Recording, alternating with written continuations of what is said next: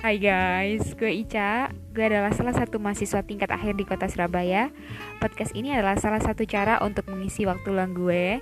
Jadi, gue harap apa yang keluar dari mulut gue bisa bermanfaat dan menginspirasi kalian semua. So, gue harap kalian semua enjoy ya. Thank you.